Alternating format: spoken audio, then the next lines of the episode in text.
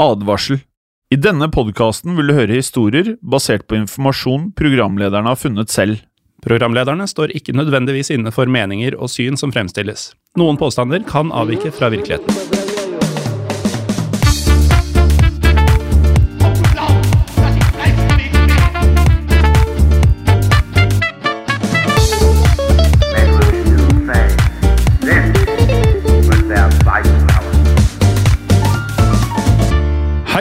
Velkommen til en ny episode av eh, Historie på den andre verdenskrig. Mitt navn er som alltid Jim Fosheim. Og mitt navn er eh, som alltid Morten Galaasen. Har du merka det, Jim, at eh, det var en lang lang periode med begge historiepoddene, egentlig, Ja. hvor det alltid var jeg som starta? Ja, Og nå virker det som kappa har snudd, eller vinden har snudd. For nå, nå er det mye velkommen, jeg heter Jim Fosheim. ja nei, altså det er, vi, vi, kan, vi har jo nevnt det før. Vi har jo en redaksjon her. Mm. Og Iceman, som vi kaller den, som eh, er skriver mye av og også finne finner frem til øh, hva vi skal ha om i podkasten. Han bestemmer jo egentlig hvem som starter. Ja, Så ja, for vi, er jo ikke i våre hender lenger. nei, den er jo ikke det, for vi er jo såpass uh, knytta til, uh, til manuskriptet her at, uh, Og til The Iceman. ja, at eh, dersom eh, Jims navn står først, så er det Jim som setter i gang. Jeg kunne ikke funnet på å gjøre det på en annen måte. Nei, det, det har ikke skjedd. Det har ikke skjedd, og kommer aldri til å skje. Men Morten, eh, før eh, vi skulle i Eller etter vi satte oss i studio, så kom jeg med en gladmelding. Og den meldingen gikk ut på at vi har noe voldsomt voksende tall på denne podkasten. Ja, nå er vel eh, fort eh, historie på den andre verdenskrig nesten en fullgod konkurrent til den godt etablerte uh, historiepodden, Ja, som vi jo tross alt har gått til krig mot. Ja, Eh, ren kannibalisme. Kannibal, kannibalisme, ja, det, faktisk. jo, men det, det nærmer seg med stormskritt. Altså, Ja, det. Vi har jo holdt på med dette i Noen år, ja. eh, Ja, men altså andre verdenskrig-podkasten har jo bare eksistert et års tid. Og ja. Er det bare det? er det ikke det? Jo, er det kanskje det. Ja, jeg tror det. Ja. ja ting går så fort. Ja, det gjør det. Ja, gjør det. Um, men um, den har jo ikke hatt like mye tid til å vokse som det vanlige historiepodden har. Mm. Og um, det, det merkes jo ikke. Det merkes ikke. Eh, og så et sted vi merker veldig faktisk at uh, historien på den andre verdenskrig har blitt en uh, favoritt, er jo da faktisk i et av disse medlemskapsspørsmålene i, i Facebook-gruppen vår Historie for alle. Hvor eh, et av spørsmålene er hva er din favoritthistoriske podkast? Og da er det denne, og ikke vår andre historiske podkast, som uh, oftest uh, trekkes frem. Veldig mange skriver bare VV2, eller WW2. Ja. Eh, Og da, Og da skjønner vi hva de mener. Ja, jeg trekker i hvert fall slutningen om at det er historie på den andre verdenskrigen de mener. Noen skriver eh, Dan Carlin, altså en amerikansk podkast som var eh, eh, for meg i hvert fall en av inspirasjonskildene. Eh, nå gjør ikke vi akkurat det Dan Carlin driver med. Eh, det Nei, jo, det det kunne kunst. heller ikke falle oss inn. Nei, det ville ikke falt oss inn, eh, Morten. Selv om det er en veldig veldig god podkast, og kanskje mm, eh, benchmarken for historiske podkaster eh, på verdensbasis. Ja, men bare Dan Carlin kan være Dan Carlin. Vi, er nok, vi gjør nok vår beste podkast hvis vi er oss. Ja, det er helt riktig. Og en annen ting vi kan da, i forlengelse av at vi nå eh, har fått voldsomt mange streams på Historie på den andre verdenskrig, er jo da nok en gang å takke dere lyttere, ikke bare for at dere hører på, men også for alle de vanvittige gode tilbakemeldingene vi får, og ideer til uh, episoder. Eh, og ikke minst så har vi en nugget som har kommet inn på mail. Vi skal ikke helt fortelle hva dette her er. Men det er den mest utrolige Ja, mailen vi har fått uh, på de årene vi har holdt på. så utrolig at The Iceman var litt usikker på om eh, vi skulle lage en episode om dette her, men eh, jeg, jeg, det er hevdet over enhver tvil at her, her er vi kanskje i besittelse av et skup. Ja, det, det er eh, ikke noe kanskje der. Eh, Nei. dette- er et skudd på gang. Ja. Men det, det, er, det er jo såpass at Iceman, eh, med det kallenavnet, er litt sånn usikker på hvordan skal jeg kontakte denne personen, fordi Ja. dette er nesten for, eh, for vilt og for Ja. godt til å være sant. Og et lite hint, og dere kan gjerne gjette hva det er snakk om her. Vi har hatt en episode om dette her tidligere, en av mine favorittepisoder. Men det har vært altfor lite informasjon om, eh, om temaet. Mm.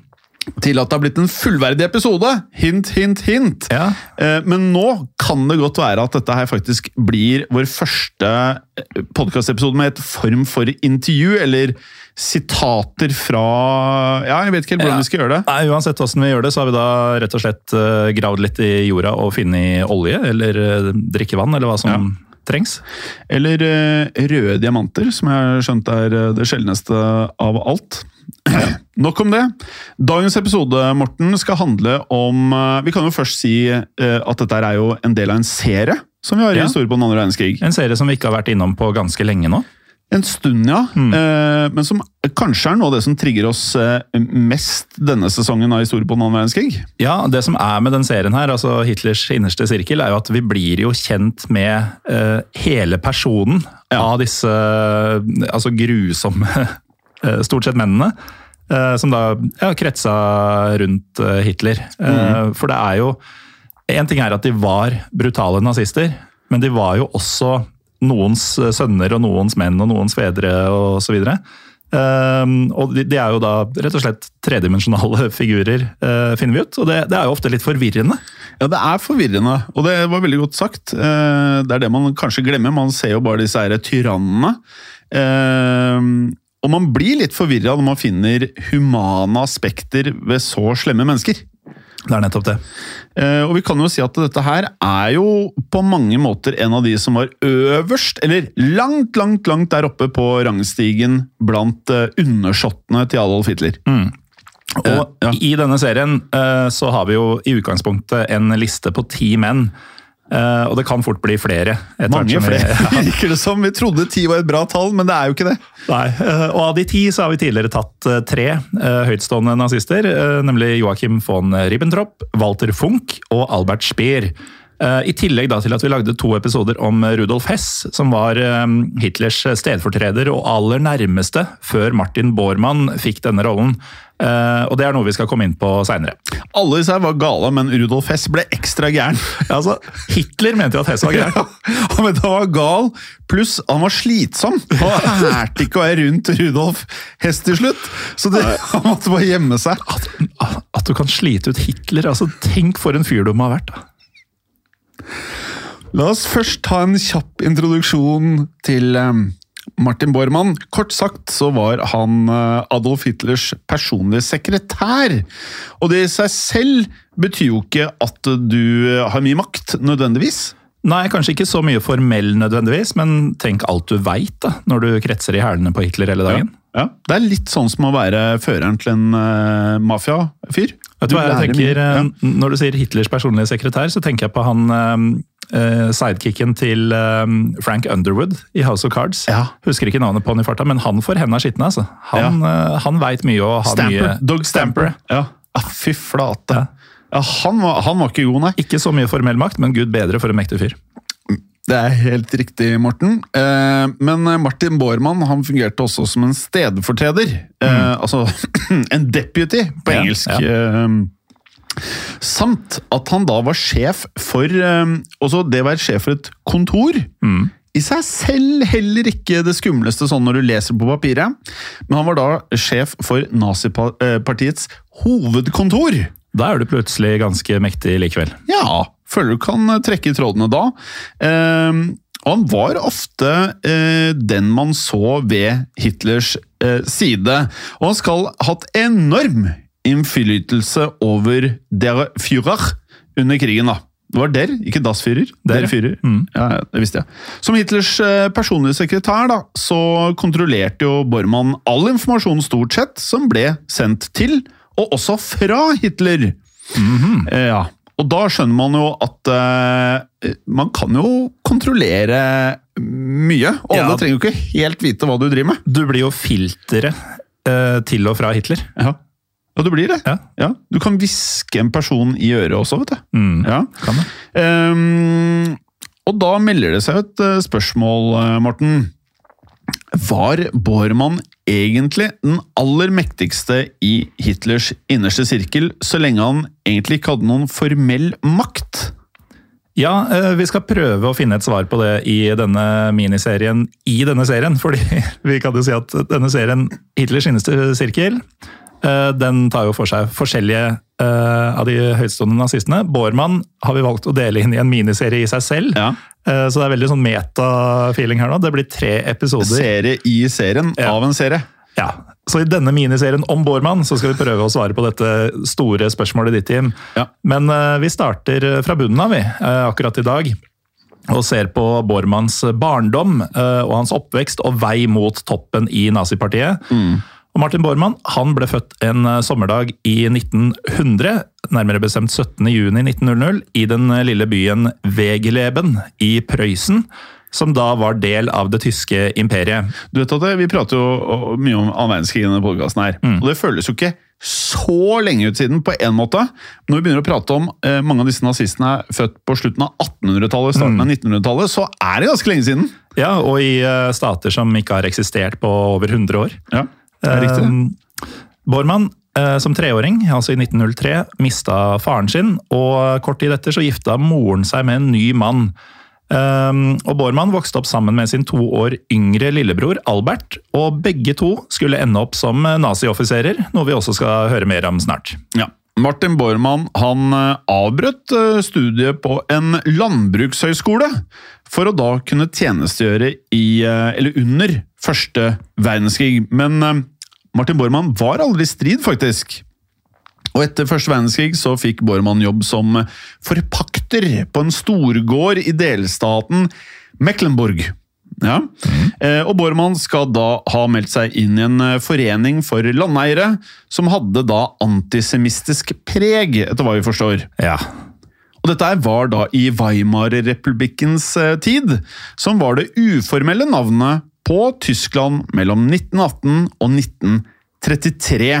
Og Bormann han meldte seg også inn i den paramilitære organisasjonen Freikorps, som da hadde voktet åkrene på gården hans da inflasjonen i Weimar-republikken var på sitt aller verste. altså Denne perioden hvor de rulla rundt med trillebårer for å kjøpe brød. Ja, og denne mellomkrigstida da, uh, har vi også tatt for oss litt uh, tidligere Uh, i episoden om Versailles-traktaten.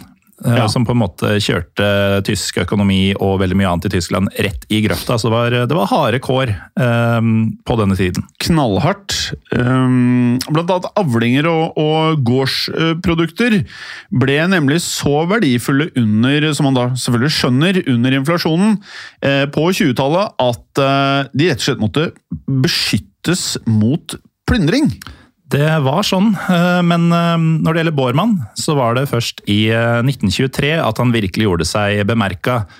En av hans eh, tidligere lærere, eh, Walter Kadov het han, ble beskyldt for å ha angitt en Freikorpsgeneral til franskmennene. Og de tyske områdene i Ror, eh, langt vest i landet, var nemlig under fransk kontroll som følge av nevnte Versailles-traktaten. Og Freikorps tok del i sabotasjeaksjoner her, og dette forræderiet ville ikke Bormann la Kadov slippe unna med. Så han og vennen Rudolf Høss, ikke Hess, eh, dette er også en mann vi har nevnt i noen bisetninger tidligere, Ferdig. ja, eh, Bormann og Høss de bestemte seg for å drepe Kadov. Ja. Eh, og som du nevnte, mange vil nok dra kjensel på navnet Rudolf Høss, eh, for dette var eh, mannen som da senere ble kommandant i Auschwitz. Høss, Bormann og flere andre menn tok eh, Kadov med seg inn i en skog utafor byen Parchim. Der skal de ha slått og sparka Kadov før de skar over eh, strupen hans. Og senere så skal en av de medskyldige ha sprukket i avhør med politiet, og liket av Kadov ble gravd opp, eh, altså funnet. Og både Høss og Bormann ble arrestert og dømt for dette drapet. Hvor eh, lang tid får man for et eh, såpass bestialsk drap eh, i Weimar-republikken på 20-tallet? Jeg vil anta livstid. Ett års fengsel fikk Bormann. Nettopp. Eh, men eh, allerede her må vi henge oss opp i en liten ting her. Altså, eh, en fyr som da Vi har beskrevet han som en sekretær. Han eh, kutter av strupen på folk. Det er ikke alle som har sekretærambisjoner som kutter av strupen på folk. Nei, altså jeg veit ikke om eh, moderne media har en kontorsjef, eh, men jeg håper virkelig ikke at vedkommende skjærer over strupen på folk. Jeg håper jeg ikke hun hører denne episoden her, men øh, jo da, vi bare tuller med deg. Uansett, etter å ha blitt løslatt i 1925, så vendte Bormann tilbake til gårdsarbeid. Men på samme tid var det en mann ved navn Adolf Hitler, som da hadde blitt sluppet ut av fengselet, han også, etter å ha sonet dommen etter dette ølkjellerkuppet i München i 1923, som vi har prata veldig mye om. Mm. Kommer stadig tilbake til ølkjellerkuppet. Det er veldig viktig. Mm. Det var ekstremt viktig. Jeg var ikke klar over hvor eh, Altså, Vi prater jo om denne her eh, fanen, og hvor viktig den var. Altså, Det ølkjellerkuppet det var en uh, historisk uh, begivenhet. Ja, Men uh, hva nøyaktig skjedde, hvis du kan si det i en setning? Ja, altså, Ølkjellerkuppet var Hitlers mislykkede revolusjonsforsøk. Eh, og Vi har da nevnt i mange episoder, vi har to episoder bare om det. Stemmer. Ja, og Hvor det basically kulminerer i en kjendisrettssak som gjør Hitler til en kjendis. Ja, Og senere til ja, sjef. Ja, helt riktig. Og I løpet av tiden i fengsel så skrev Hitler Mein Kampf, og nå planla han å bygge opp nazipartiet til et eh, populistisk parti som kunne styrte demokratiet innenfra. Ja, og vi kan ganske trygt anta at eh, Bormann fulgte med på denne utviklinga, fordi han meldte seg inn i den nazistiske paramilitære gruppa Frontband i 1925. Og i 1927 så meldte Bormann seg også inn i det lokale nazipartiet i Turingen. Og dette skulle bli starten på en, eh, en ekstraordinær partikarriere med meget bratt kurve. Bormann øh, begynte karrieren som, øh, som nazipartiets presseansvarlig i Thüringen. Men hans manglende evne til å prate i offentligheten gjorde ham dårlig skikket til nettopp denne stillingen. Og Bormann skal ikke ha vært spesielt øh, kompetent som leder heller, og han ble derfor ansett som en øh, uslepet type og relativt brutal, som vi nå allerede har forstått. Eh, Men det skulle da vise seg at han hadde andre talenter som skulle bli veldig viktige og også satt pris på av partiet. Ja, for Bormann var eh, kanskje ingen eh, talegud, men han var dyktig med tall, med penger og med organisering. I eh, 1928 så fikk han jobb på forsikringskontoret til den paramilitære partiorganisasjonen Sturmabteilung, eller SA, også noe vi stadig kommer tilbake til i eh, denne podkasten. Eh, Og medlemmer av SA de var ofte involvert i voldelige trefninger med politiske motstandere, og mange ble skada eller drept. Så derfor hadde SA gått til det skritt å forsikre medlemmene sine. Men eh, forsikringsselskapene de nekta etter hvert å betale ut slike krav, så i 1930 så oppretta Bormann et fond som skulle sikre finansiell støtte. Dette fondet het eh, Hilfskasse der NSDAP. Eh, På norsk blir dette nazipartiets hjelpefond. Eh, Et hjelpefond direkte administrert av partiet. Noe jeg aldri hadde hørt om før. Aldri. Nei. Um, og det her sier jo Morten litt om eh, partiets aktiviteter. Når det da altså måtte uh, bli opprettet et fond for å dekke skader man ble påført i partivirksomheten. Ganske fjernt fra norsk eh, valgkamp eh, 2021, dette her. Ja, litt annerledes. Her har vi mer øh, pendlerleiligheter og den varianten. Så dette er ganske annerledes, ja. Eh, Og Bormann han eh, styrte alle utbetalingene fra fondet, og etter hvert så følte mange partimedlemmer at eh, de sto i personlig gjeld til Bormann, etter å da ha mottatt hjelpemidler. Og her skjønner man jo allerede nå, dette her betyr makt. Dette betyr makt. Ja. Eh, og Bormann han fikk dessuten et rykte på seg for å være en slags eh, finansekspert. Ikke rart med tanke på kvalitetene du nettopp eh, nevnte mann. Nei, ikke sant? Og det at makta ble større, det var én ting, men også Bormanns status økte kraftig. For da han gifta seg i 1929, eh, og husk dette er bare et par år etter at han er ute av fengsel, Mm. så var både Hitler og hans nærmeste kollega, denne gangen Rudolf Hess, vitner i bryllupet hans. Eh, Og året etter så fikk Bormann sitt første barn, en sønn som fikk navnet Martin Adolf Bormann jr. Så um, sønnen til Martin Bormann var altså oppkalt etter Hitler, og Hitler var i tillegg gudfar til eh, Martin Adolf jr. Gudfar, sier du? Ja, Hitler var altså gudfar til dette barnet. Ja. Og det, det er jo et litt uh, uvanlig valg sett i eh, ettertid. Altså, det er veldig taktisk. Mm. Hvis du ønsker å ja, knytte bekjentskaper, så er det jo smart. En god variant, eh, holdt jeg på å si. Men jeg klarer liksom ikke å se for meg Adolf Hitler og kose med barnet. Nei, det er vanskelig å forestille seg. Altså. Nei. Og ja, det er jo en um, litt Det er litt belastende etter krigen, vil jeg tro.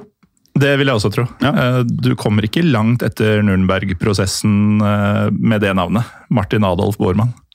Uansett, ettersom antallet medlemmer i eh, nazipartiet vokste, økte også verdien på dette hjelpefondet.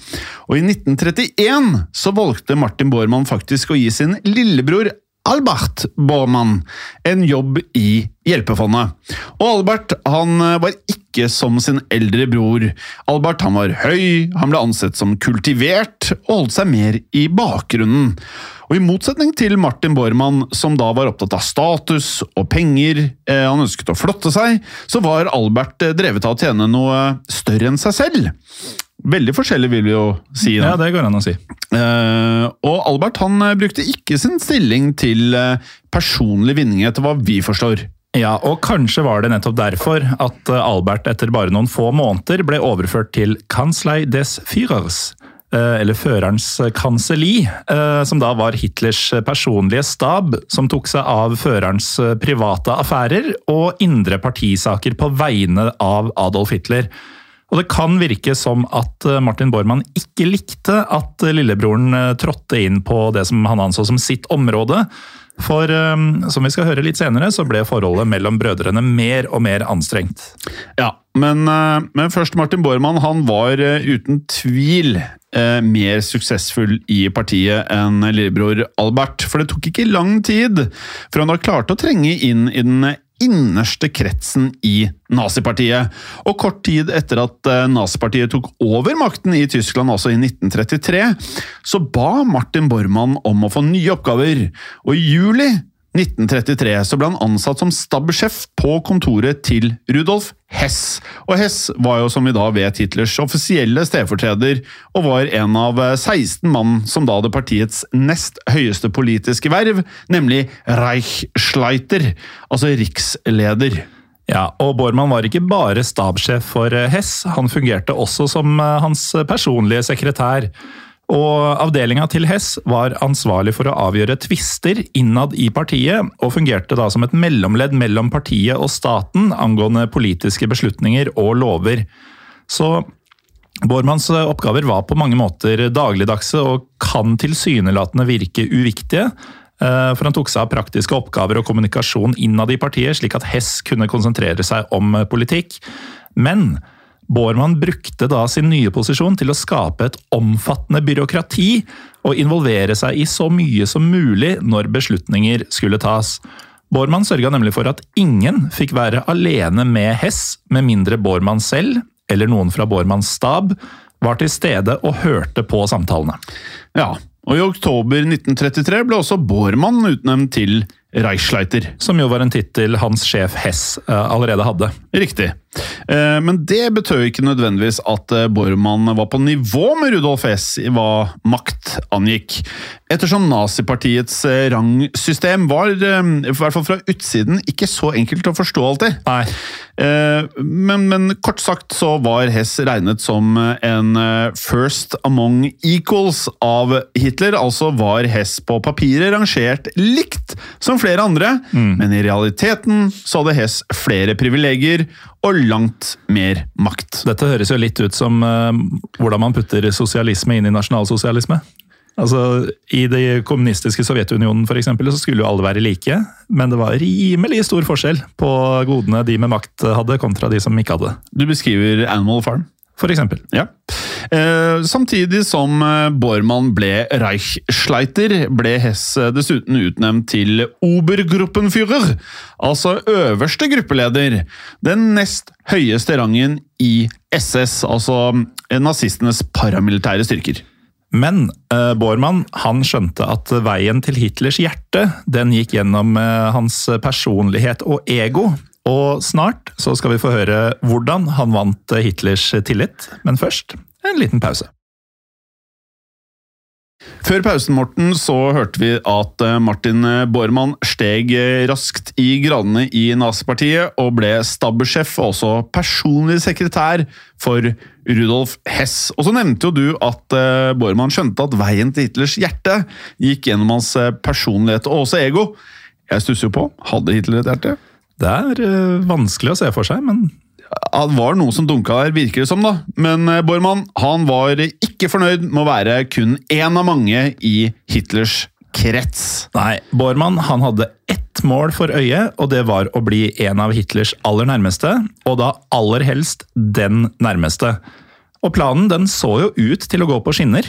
I november 1933 så ble Bormann utnevnt til nestleder i Reichstag, eller Riksdagen, altså det tyske parlamentet som vel nå heter Bundestag, tror jeg. Mm.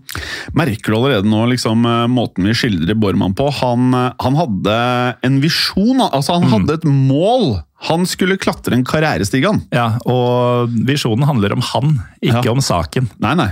Han, han, eh, han, var, han var opptatt av å, sin personlige ting, da. Rikdom og også sikkert å bli litt kjendis. For jeg regner med de fleste av disse gutta her ble kjendiser. Skulle jo tro det. Eh, uansett så ser det også ut til at planen funker, fordi fra ca. 1934 så virker Bormann å ha blitt akseptert i da Hitlers indre krets, ettersom han da fulgte Hitler overalt og orienterte Hitler om aktuelle saker og ga Hitler sammendrag av hendelser og forespørsler. Og her er jo dette filteret som vi nevnte litt tidligere allerede begynt å vise seg. Ja. Og i 1935 så ga Hitler uttrykk for at han ønsket å oppgradere Berghof, som da var hans eh, høyt elskede feriested i Berstegaden sør i, eh, i Tyskland. Og Hitler han eh, tilbrakte faktisk langt mer tid her enn noe annet sted i, i som sin tid som statsleder. Og han hadde leid feriehuset siden 1925, men nå ønsket han altså å utvide bygget og også oppgradere eiendommen til et eh, storslått eh, residens. Og Bormann så nå sitt snitt til å innynde seg hos Hitler, og ba nå om å få lede renoveringsprosjektet på Berghof. Og Hitler han hadde jo merket seg Bormanns eh, organisatoriske evner, så dette følte han var midt i blinken for Bormann.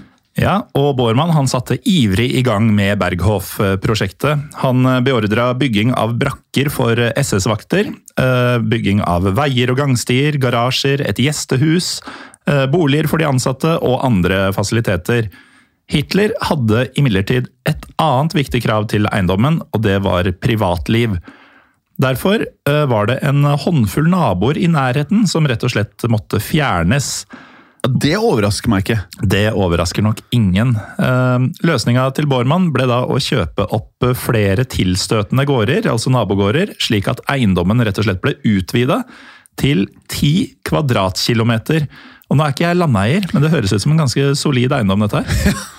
Da skal du ha noen ville kikkerter for å spane frem til Berghoff. Berghof. Så var det jo da noen av disse tilstøtende bøndene som nekta å selge. Eh, Men da ble Det var ikke så lurt, for da ble gården rett og slett konfiskert, og eierne ble sendt i konsentrasjonsleir. For ingenting skulle stanse Bormann sitt prosjekt. Vi har jo prata, Morten, når vi har denne miniserien vår om eh, Eller serien om Hitlers indre sirkel, om hvordan mange av disse gale folka får litt mer personlighet. Eh, og dette også er jo litt sånn som er med på å beskrive litt uh, Hitlers preferanser. Ja, Ja. For hør på følgende. Hitler han eh, klaget på at uh, det var for lite skygge på eiendommen hans. Og det er en gjenkjennelig problematikk. Ja, det er jo det. Noen liker jo mye sol, men Hitler han vil ha skygge. Så det Bormann måtte gjøre, han, han måtte jo rett og slett fly inn et tre. Og dette treet det måtte eh, plantes sånn at eh, det ble skygge, da. Eh, Og dette treet skulle plantes midt i en regnskur. Ja. Og det er da altså sånn at det var for lite skygge på eiendommen, men ett tre, det gjorde Hitler fornøyd. Ja, det var sånn det virket. Og Bormann han eh, presset og trykket på for at arbeiderne da skulle jobbe så fort som mulig. Og Hitler skjønte at dette var eh, Med dette treet i regnskuret så skjønte Hitler angivelig at dette var en mann han virkelig kunne stole på for å få ting gjort. Og dette her eksemplifiserer ofte for meg, Morten, det inntrykket jeg har av mange av de som var rundt Hitler. Det var ikke nødvendigvis de mest kvalifiserte menneskene, men her gjaldt det da altså å pusse opp hytta til Hitler og sette opp et tre sånn at Hitler fikk skygge midt under et regnskur. Det var nok til å da komme, stige i gradene. Det var tydeligvis nok. altså Effektivitet, det satte Hitler høyt. Ja, Det virker sånn. Eh, og flere medlemmer av Hitlers innerste sirkel de bygde for øvrig egne hus på Berghoff-eiendommen, som ikke er vanskelig å forstå når det var så mye å ta av. Blant annet Herman Göring, Albert Spier og også Martin Bormann selv. Så det var viktig med privatliv helt til det var dine nærmeste. Da kunne de godt bo på gården. Ja, da var det greit. Eh, Det er også verdt å nevne at eh, både Bormann og andre gjorde notater mens de hadde samtaler med Hitler på Berghof. Um, Og disse samtalene var da som regel under middager, eller kunne være lange monologer fra Hitler til langt på natt. Og disse notatene ble bevart, og materialet har blitt publisert etter krigen i en bok ved navn Og nå skal jeg eh, kåle litt med tunga her. Tischgespreche im Führerhauptquartier. Eh, litt lettere på engelsk. Hitlers Table Talk. Ja, Det er litt imponert at du klarte å si alle de ordene der, faktisk. Ja, dette var faktisk første forsøk. Ja, det var faktisk første forsøk. Mm, og gjennom hardt arbeid, effektivitet og ukritisk lojalitet, så vant altså Bormann eh, Hitlers eh, tillit, som var nettopp det han prøvde på ved å pusse opp denne hytta. Det var planen fra starten. Ja, og I periodene Hitler da bodde på Berghof, var eh, Bormann konstant til stede og fungerte da mer eller mindre som Hitlers eh, personlige sekretær. Og Slik kunne han da altså kontrollere informasjonsflyten og andres tilgang til Hitler, som jeg vil eh, anta var veldig viktig for Bormann. Det var viktig. Det var viktig, og i denne perioden så ga Hitler også Bormann full kontroll over sin personlige økonomi! Og det visste jeg heller ikke. Nei. Nei. Jeg har aldri tenkt på liksom, jeg har alltid tenkt at Hitler hadde ubegrensa tilgang til alt. Ja, men eh, vi har egentlig ikke snakka så mye om Hitlers penger. Nei. Altså, Hva var det som rant inn her? I tillegg til eh, lønn som eh, kansler og president, så var Hitlers inntekt royalties fra boken hans Mein Kampf, samt også da godtgjørelser for bruken av bilder av Hitler på frimerker.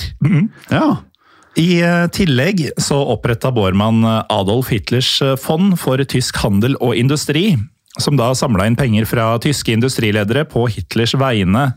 Og dette fondet var i realiteten egentlig ganske dårlig skjult utpressing fra Hitler mot eliten av rike tyske forretningsmenn.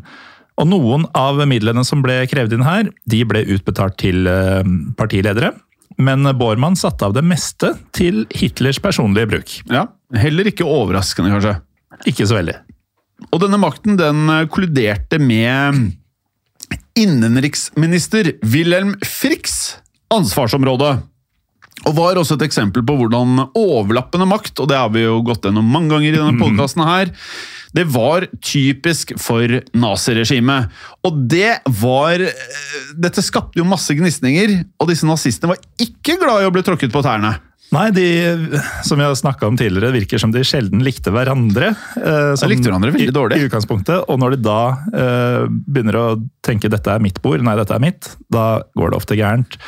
Um, I tillegg så spilte Hitler uh, ofte høytstående partimedlemmer opp mot hverandre med vilje. Og um, han satte nazipartiet opp mot embetsverket. Og På denne måten så fremma jo Hitler både mistillit, eh, konkurranse og strid blant sine underordnede for å konsolidere og maksimere sin egen makt. Så det er veldig sånn splitt og hersk da, på, Ja. på godt norsk. Helt klart, og Hitler han ga vanligvis ikke skriftlige ordre. han. Eh, I stedet så formidlet han dem eh, verbalt, eller fikk dem formidlet gjennom Martin Bormann. Ja. Eh, og denne Bormann han fremstår jo kanskje som eh, Kanskje blant de mest utspekulerte av disse nazistene. Ja, det begynner å danne seg et bilde av en Ja. utspekulert eh, mann her. er skikkelig luring. Og da skjønner man jo at det å falle i unåde hos Martin Bormann, det betydde at tilgangen på Hitler den kunne bli borte ganske brennkvikt. Og nå er det vel ingen tvil om at vi snakker om den kanskje nest mektigste mannen i uh, Nazi-Tyskland. Ja, og eh, det er jo ikke sånn eh, noe sånn konvensjonell historie prater så mye om, men hvis du vet at Hitler i tillegg tok store mengder med eh, dop, Mm. så vet man jo også at han levde nok et litt annet eh, Jeg tror ikke han var klar over alt Bormann gjorde, nødvendigvis. Ikke nødvendigvis. Ikke nødvendigvis. Um, og Bormann han eh, reiste stort sett overalt med Hitler, inkludert tyrer til Østerrike i 1938 etter Anschluss, altså annekteringen av Østerrike inn i Nazi-Tyskland og til Sudetenland etter signeringen av München-avtalen senere samme år. Bormann fikk dessuten ansvaret for å organisere det viktige rikspartimøtet i Nürnberg i 1938, som da mm, øh, var en stor årlig festbegivenhet med politiske massemøter. Ja, og i mars 1938 så var Bormann med Hitler på reise til det som er Hitlers fødeland, nemlig Østerrike. Og Der fikk Bormann ansvar for å kjøpe Hitlers barndomshjem og Hitlers barneskole, noe han selvfølgelig ordna. Men Bormann han la enda mer personlig innsats i å glede Hitler året etter, da Der Führer fylte 50 år. Bormann han organiserte rett og slett bursdagsselskapet, og ga Hitler en spesiell gave. Han fikk bygd et flunkende nytt tehus i nærheten av Berghof, som fikk navnet Kehlsteinhaus. Og når du sier tehus, Morten, Morten, så tenker jo jeg kanskje på noe som en kafé, bortsett fra at de serverer te. Ja, eh, tehus høres jo ikke veldig flott ut, og Kelsteinhaus høres ikke veldig kjent ut.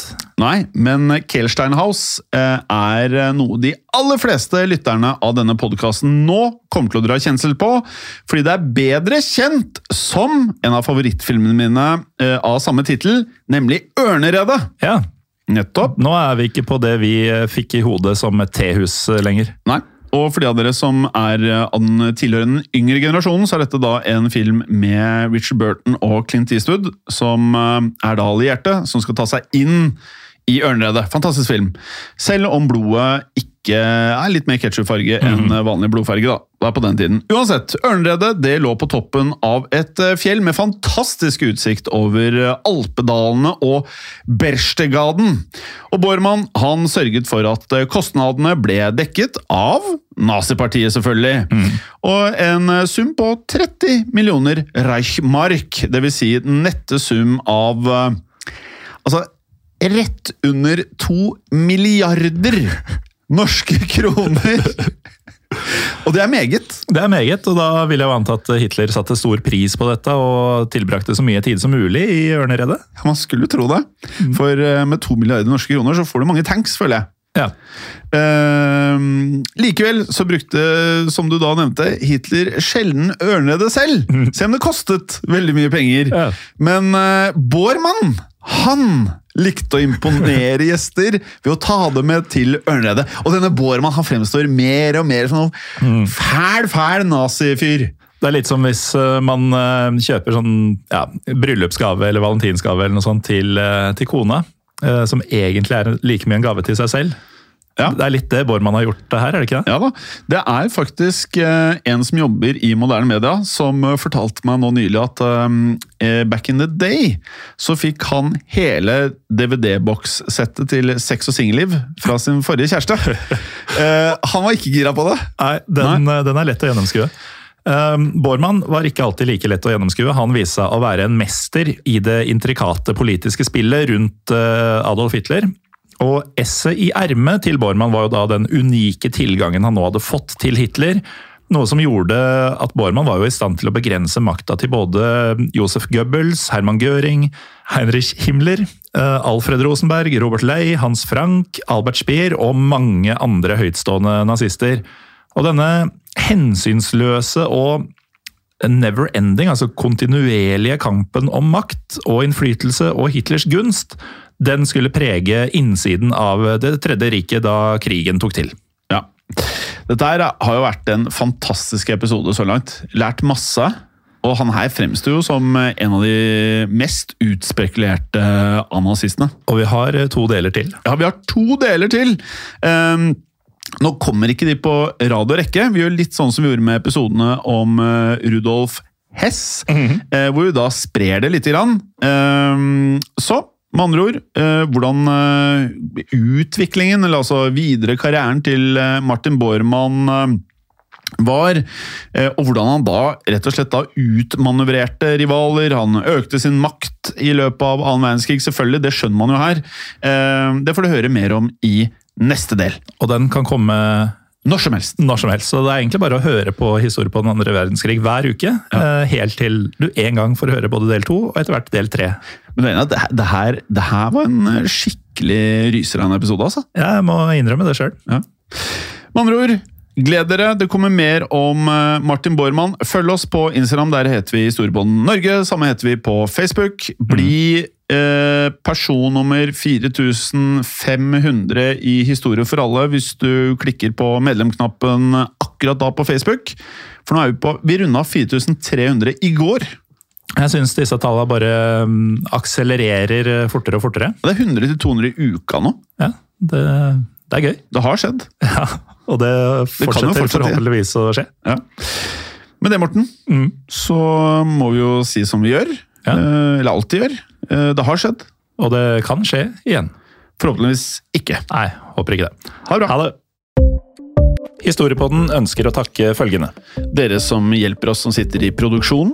Dere som hjelper oss og sitter i redaksjonen, inkludert eh, tekstforfattere. Det er helt riktig. Og dere som sitter på marked, som faktisk da gir oss muligheten til å drive med Historiepodden. Og selvfølgelig alle dere som hører på. Tusen takk.